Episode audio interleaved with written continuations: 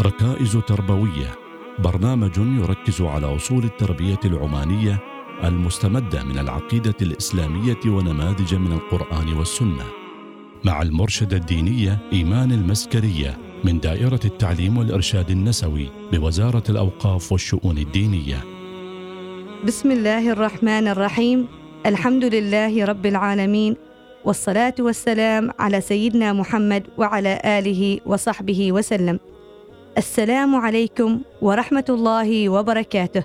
أعزائي المستمعين أهلا وسهلا بكم معنا في برنامجكم ركائز تربوية نحو جيل قرآني متميز.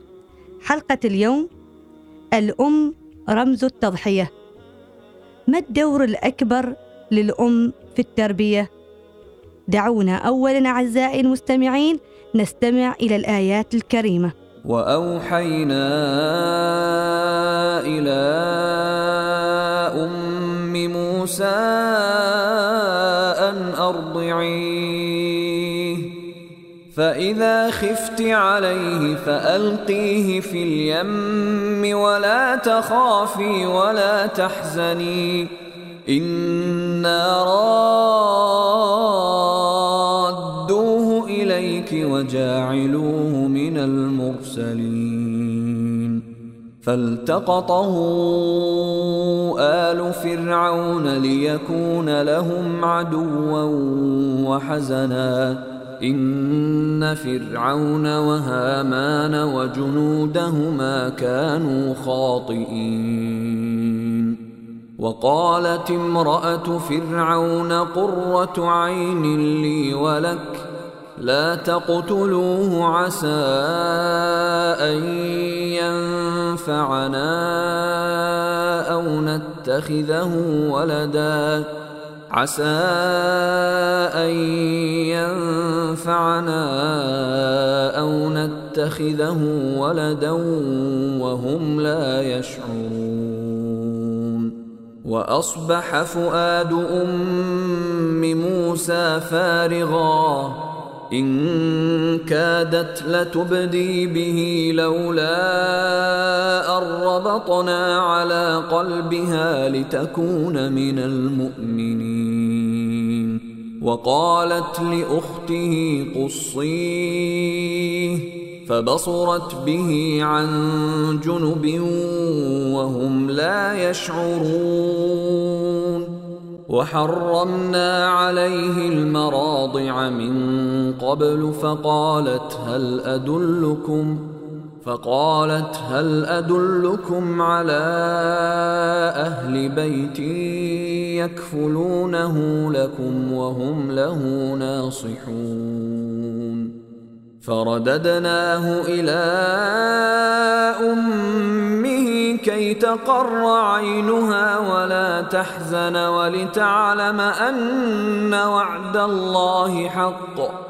ولتعلم أن وعد الله حق ولكن أكثرهم لا يعلمون. والآن مع سرد القصة. كما تعودنا سنسرد القصة ونضغط فيها على مواطن معينة. ستكون فيها الأهداف التربوية. فتدبروها وركزوا معها ملتزمين بآداب التدبر. ألهم الله أم موسى بعدما كانت فيه من الهم أن ترضعه ولا يلهيها الهم عن ذلك وأن تلقيه في اليم وألا تخاف ولا تحزن إذا فعلت تلك التضحية. فالمستقبل فيه ما يستحق وهو أن الله سيعيده إليها بل وسيجعله واحدا من المرسلين الذين تعلم فضلهم. والتقطه آل فرعون وهم لا يعلمون أن في ذلك هلاكهم. ونصحتهم امرأة فرعون بألا يقتلوه فقد ينفعهم أو يتخذونه ولدا. وهكذا يسبب الله الأسباب. وفي هذا الوقت طار عقل الأم الصابرة وكادت تبدي عما في صدرها لولا أن ربط الله على قلبها لتكون من المؤمنين.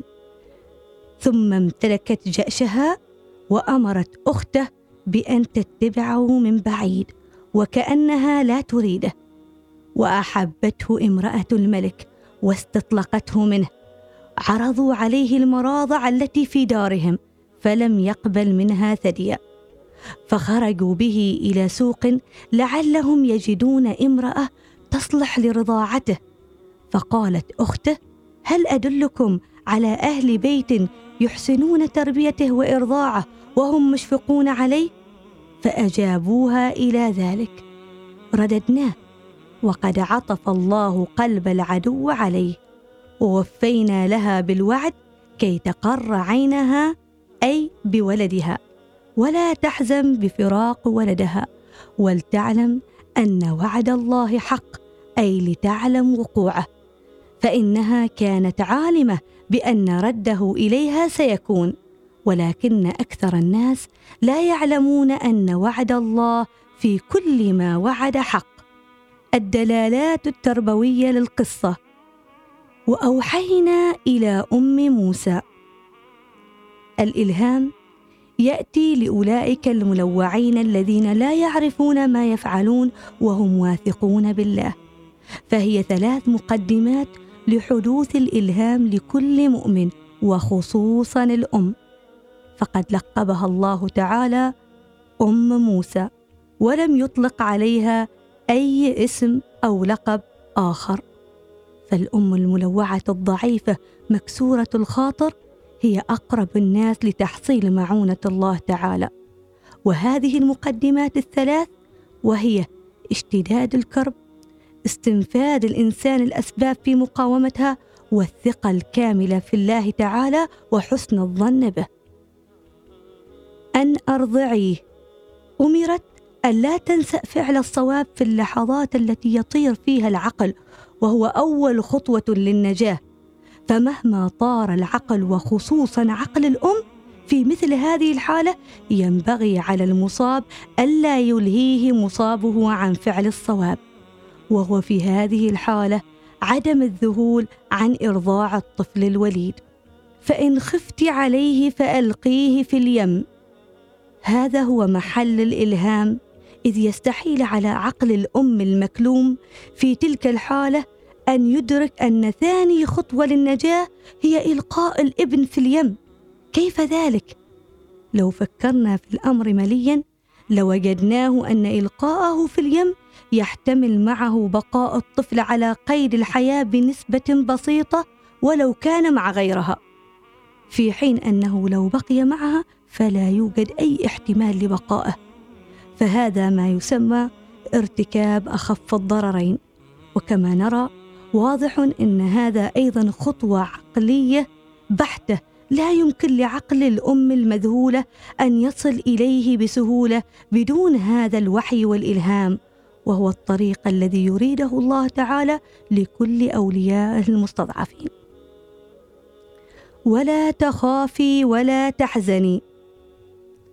فالخوف من خطر قادم هو ضد الإيمان والحزن على ما فات هو ضد البشرى فهذان هما المبدأان النفسيان اللذان من شأنهما الخروج من المصائب بأفضل المكاسب فعدم الخوف من المستقبل دليل الثقة بالله وحسن الظن به وعدم الانكباب على الحزن واستغراق الوقت فيه هو بداية الطريق للخروج من الأزمة واتخاذ الخطوات العملية وبديهي أن الإنسان الذي يستغرقه حزنه ويحتويه يظل حبيس الماضي ولا يمكنه بناء المستقبل. وعلى هذا فعدم الثقة بالله وتضييع الوقت في الحزن يجعلان صاحبهما غير مستحق للبشرى والعكس صحيح. إنا رادوه إليك. هذه هي البشرى الأولى وهي خاصة بها وهي نتيجة مباشرة لعدم الخوف على المستقبل. فبمجرد أنها لم تخف على المستقبل بشرت برجوعه إليها في المستقبل. وجاعلوه من المرسلين. تبشير لمستقبل ابنها بسبب عدم الحزن على الماضي. وهي بشرى برفعة شأن ابنها في المستقبل. وإن عدم انكبابها على الحزن على انتكاسة معينة يمر بها ابنها كفيل بأن يجعلها حقيقة للبشرى برفع شأن ابنها في المستقبل. وهذا ليس خاصا بها وإنما جائز في حق كل أم. ولكن يجب هنا ملاحظة من المرسلين. فالله تعالى لم يقل وجاعلوه نبيا. أو رسولا وإنما من المرسلين أي واحد من المرسلين الذين تعلمهم جيدا أم موسى. ولعلها لحظة البشرى مر أمام عينيها شريط لحكايات عن المرسلين أصحاب الرسالات وخصوصا من بني إسرائيل وما قاسوه من قومهم ونهايتهم الدرامية المأساوية. وهذا ما يؤكد أن أم موسى لم تكن أما عادية لذلك استحقت طفلا له مستقبل غير عادي. وهذا يصدق على كل أم. صحيح ليس شرطا أن يكون ابنها رسول أو نبي ولكن بلا شك كل أم تحمل تلك الصفات تستحق طفلا ذا مستقبل مميز. ومن المرسلين بمعنى أصحاب الرسالات في الحياة لأن أمه تريده أن يكون كذلك ولا تخاف مما قد يعترض طريقه من عقبات ومما قد يهدد حياته من مخاطر. فالتقطه آل فرعون. الالتقاط يكون باختيار الشخص وبعد تمحيص منه. وهذا ينقل إلينا القرآن بهذه الكلمات القليلة الموحية مشهدا ضخما يضم العديد من آل فرعون وهم يتسابقون إلى التقاط موسى وهم لا يعلمون أن نهايتهم على يده كما سنعلم. وفي هذا أعزائي المستمعين مبدأ تربوي للكبار والصغار على السواء وهو أن الإرهاصات بنصر المستضعفين تأتي سريعة ومباشرة بعد أن يتخذ المستضعفين ما يستطيعونه من إجراءات وتكون عن طريق الطغاة أنفسهم وما يختارونه بأيديهم. فآتاهم الله من حيث لم يحتسبوا. أعزائي المستمعين الآية القادمة ليكون لهم عدوا وحزنا.